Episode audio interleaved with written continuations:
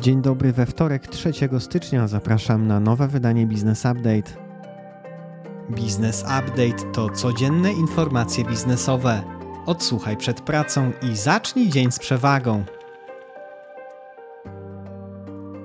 Wczoraj na warszawskiej giełdzie bez większych zmian Najmocniej rosła cena akcji GreenX aż o 39%, czyli spółki australijskiej Prairie Mining Limited, która pozwała Polskę o ponad 4 miliardy złotych odszkodowania przed Trybunałem Arbitrażowym w Sztokholmie za faworyzowanie Bogdanki przy inwestycje w dwie kopalnie. Wczoraj Stany Zjednoczone i Wielka Brytania miały wolne. We wtorek rano za dolara płacimy 4,38, a za euro 4,67. Funt brytyjski tanieje i kosztuje 5,28. Gospodarka i makroekonomia.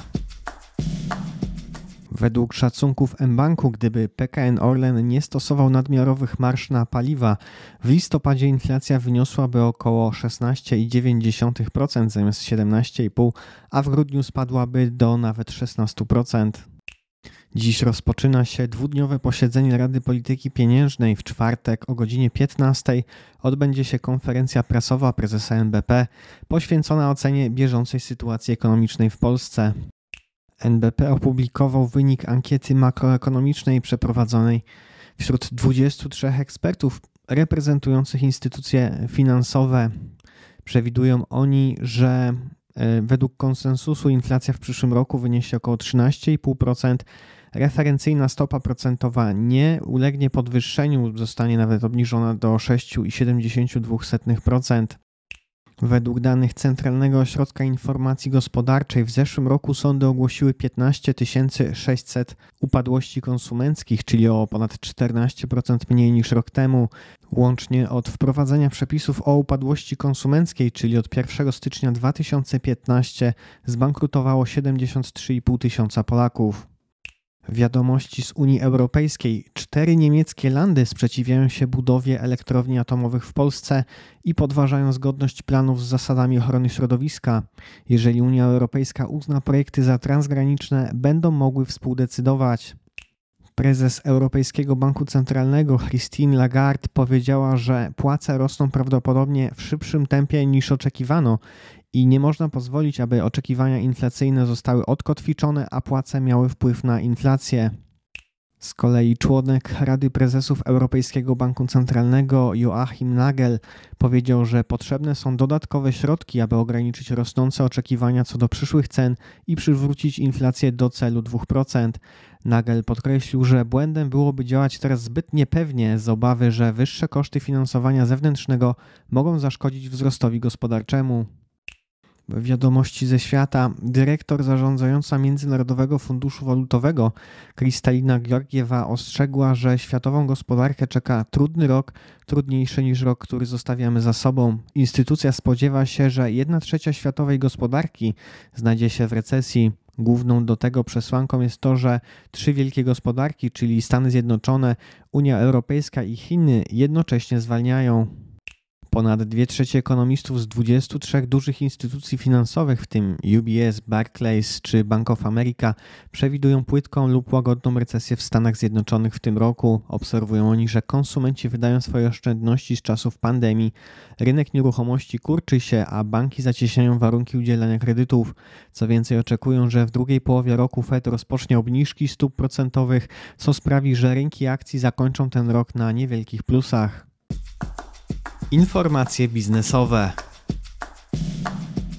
Biedronka uruchamia w części swoich sklepów wypożyczalnię książek czynną 7 dni w tygodniu w celu ominięcia zakazu handlu w niedzielę. Sklepy Empik, Papiernik by Empik oraz Żabka umożliwiają posiadaczom karty Visa wpłacanie środków na konta bankowe w swoich placówkach w ramach funkcji Visa Direct Cash Deposit uruchomiony w terminalach marki Polcard. InPost złożył wniosek o zastrzeżenie znaku Mataverse. Możliwe, że zostanie on w przyszłości wykorzystany do stworzenia programu lojalnościowego wykorzystującego rozszerzoną rzeczywistość. W zeszłym roku firma zastrzegła m.in. takie znaki jak AppComat, EcoBox, InPost, Robomat i InPost Easy. Jakub Kizielewicz, były prezes spółki leasingowej Prime Car Management, założył biznes o nazwie Autokonto. Jest to aplikacja dla kierowców, która agreguje usługi związane z obsługą samochodu, m.in. takie jak ubezpieczenie czy wymiana opon.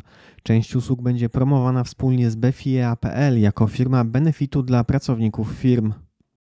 Wiadomości ze świata. Film Avatar Istota Wody wygenerował przychód w wysokości ponad miliarda dolarów w 14 dni od swojej premiery. Pułap ten został osiągnięty o 5 dni krócej niż przez pierwszego Awatara, który zadebiutował w kinach w 2009 roku. Producent samochodów Tesla został oskarżony o naruszenie prawa pracy w Stanach Zjednoczonych, rzekomo nakłaniając pracowników, aby nie rozmawiali z innymi osobami o płacach i warunkach pracy, a także o zatrudnianiu, zawieszaniu lub zwalnianiu pracowników. Twitter został pozwany przez właściciela budynku za niezapłacenie ponad 136 tysięcy dolarów za wynajem nieruchomości. Wcześniej w grudniu Twitter został pozwany przez firmę wynajmującą odrzutowce za nieregulowanie rachunku na kwotę 197 tysięcy dolarów za usługi czarterowe.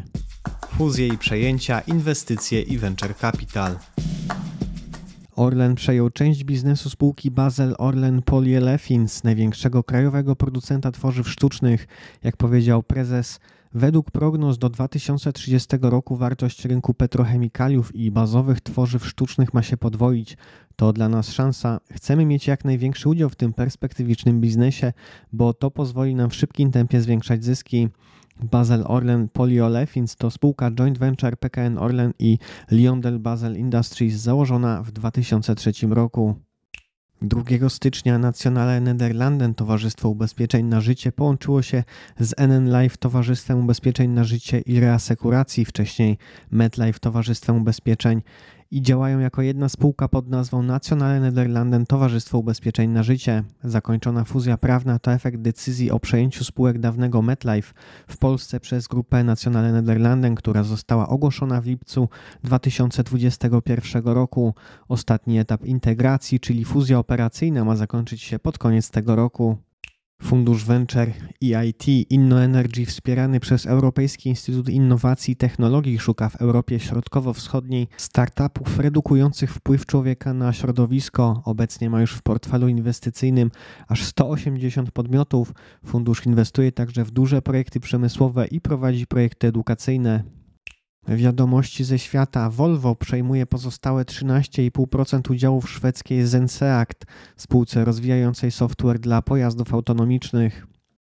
Duński dostawca oprogramowania Wolters Kluwer Legal and Regulatory nabyło brytyjską Della AI Limited, dostawcę zaawansowanej technologii sztucznej inteligencji opartej na zaawansowanym przetwarzaniu języka naturalnego NLP. Ta technologia pozwala prawnikom przeglądać umowy w wielu językach po prostu zadając pytania. Prawo i podatki. Prezes UOKiK wszczął postępowanie przeciwko spółce T-Mobile Polska. Urząd zbada, czy operator sieci komórkowej stosował praktyki naruszające zbiorowe interesy konsumentów. Chodzi o hasło 1200 GB za darmo na rok, którym w kampanii reklamowej posługiwało się T-Mobile. Jak zauważają przedstawiciele UOKiK, sieć przekazywała pakiety internetowe o wielkości 100 GB co miesiąc, maksymalnie przez okres 12 miesięcy, a hasło może sugerować, że Klient ma otrzymać jednorazowy pakiet wielkości 1200 GB. Spółce grozi kara do 10% obrotu. Niewykluczone, że UOKiK podejmie interwencję w stosunku do grupy PKN Orlen. Pod adresem koncernu kierowane są oskarżenia, że pomimo wzrostu VAT-u i akcyzy z dniem 1 stycznia ceny na stacjach paliw nie uległy zmianom. Polityka Orlenu polega na tym, by na ile jest to możliwe unikać szoków cenowych, w tym w szczególności uderzających w konsumentów. Odpowiada na zarzuty koncern w informacji przesłanej do mediów. Przyglądamy się działaniom PKN Orlen w sprawie cen paliw. Nie wykluczamy interwencji w tej sprawie, zapowiedział z kolei Departament Departament Komunikacji UOKiK. Wraz z początkiem nowego roku wzrosły kary za brak ubezpieczenia OC.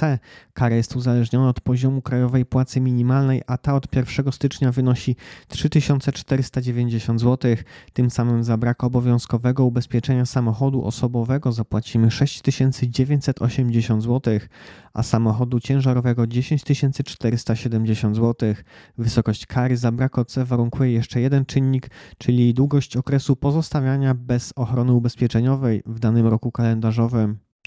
Ulga podatkowa dla frankowiczów będzie obowiązywała jeszcze przez dwa lata, Ministerstwo Finansów podjęło decyzję o przedłużeniu ważności wygasającego z końcem zeszłego roku rozporządzenia. W rezultacie zarówno w tym, jak i w przyszłym roku kredytobiorcy nie będą musieli płacić podatku od umorzonej kwoty kredytu, będącej de facto przychodem podatkowym. Wiadomości ze świata. Amerykańska sieć kawiarni Starbucks nielegalnie zwolniła swoją pracownicę, założycielkę związków zawodowych, orzekli przedstawiciele Amerykańskiej Rady Pracy. Chodzi o sprawę baristki Jazz Brisak, której celem była ochrona praw pracowników sieci. Przywódczyni związku zrezygnowała z pracy we wrześniu ubiegłego roku, wskazując, że firma celowo zmieniła zasady dotyczące harmonogramów, tak że stały się one dla niej dyskryminujące. Teraz dyrektor Regionalny Rady Pracy w amerykańskim mieście Buffalo w stanie Nowy Jorku ustalił, że firma zwolniła baristkę w odwecie za jej aktywizm. Starbucks zaprzeczył popełnieniu wykroczenia. Wiadomości rynkowe. Grupa Goldenmark szacuje, że w zeszłym roku sprzedaż złota przekroczyła w naszym kraju 18 milionów ton, co oznaczałoby wzrost o 26% rok do roku. Eksperci podkreślają, że w ostatnich latach rynek złota w Polsce dynamicznie rósł, dzięki czemu Polska może plasować się na trzecim lub czwartym miejscu w Europie. Oto Dom Analytics poinformowało, że w minionym roku w siedmiu największych miastach sprzedano niecałe 41 tysięcy nowych mieszkań, czyli o 31% mniej niż rok wcześniej. To już wszystkie informacje w dzisiejszym wydaniu podcastu. Nieco więcej informacji oraz źródeł do wszystkich wiadomości mogą Państwo znaleźć w newsletterze, na który można zapisać się na businessupdate.pl. Jeżeli podcast jest dla Państwa pomocny, będziemy wdzięczni za polecanie go dalej i lajkowanie naszych publikacji w social mediach. Tymczasem ja życzę Państwu owocnego wtorku i do usłyszenia jutro.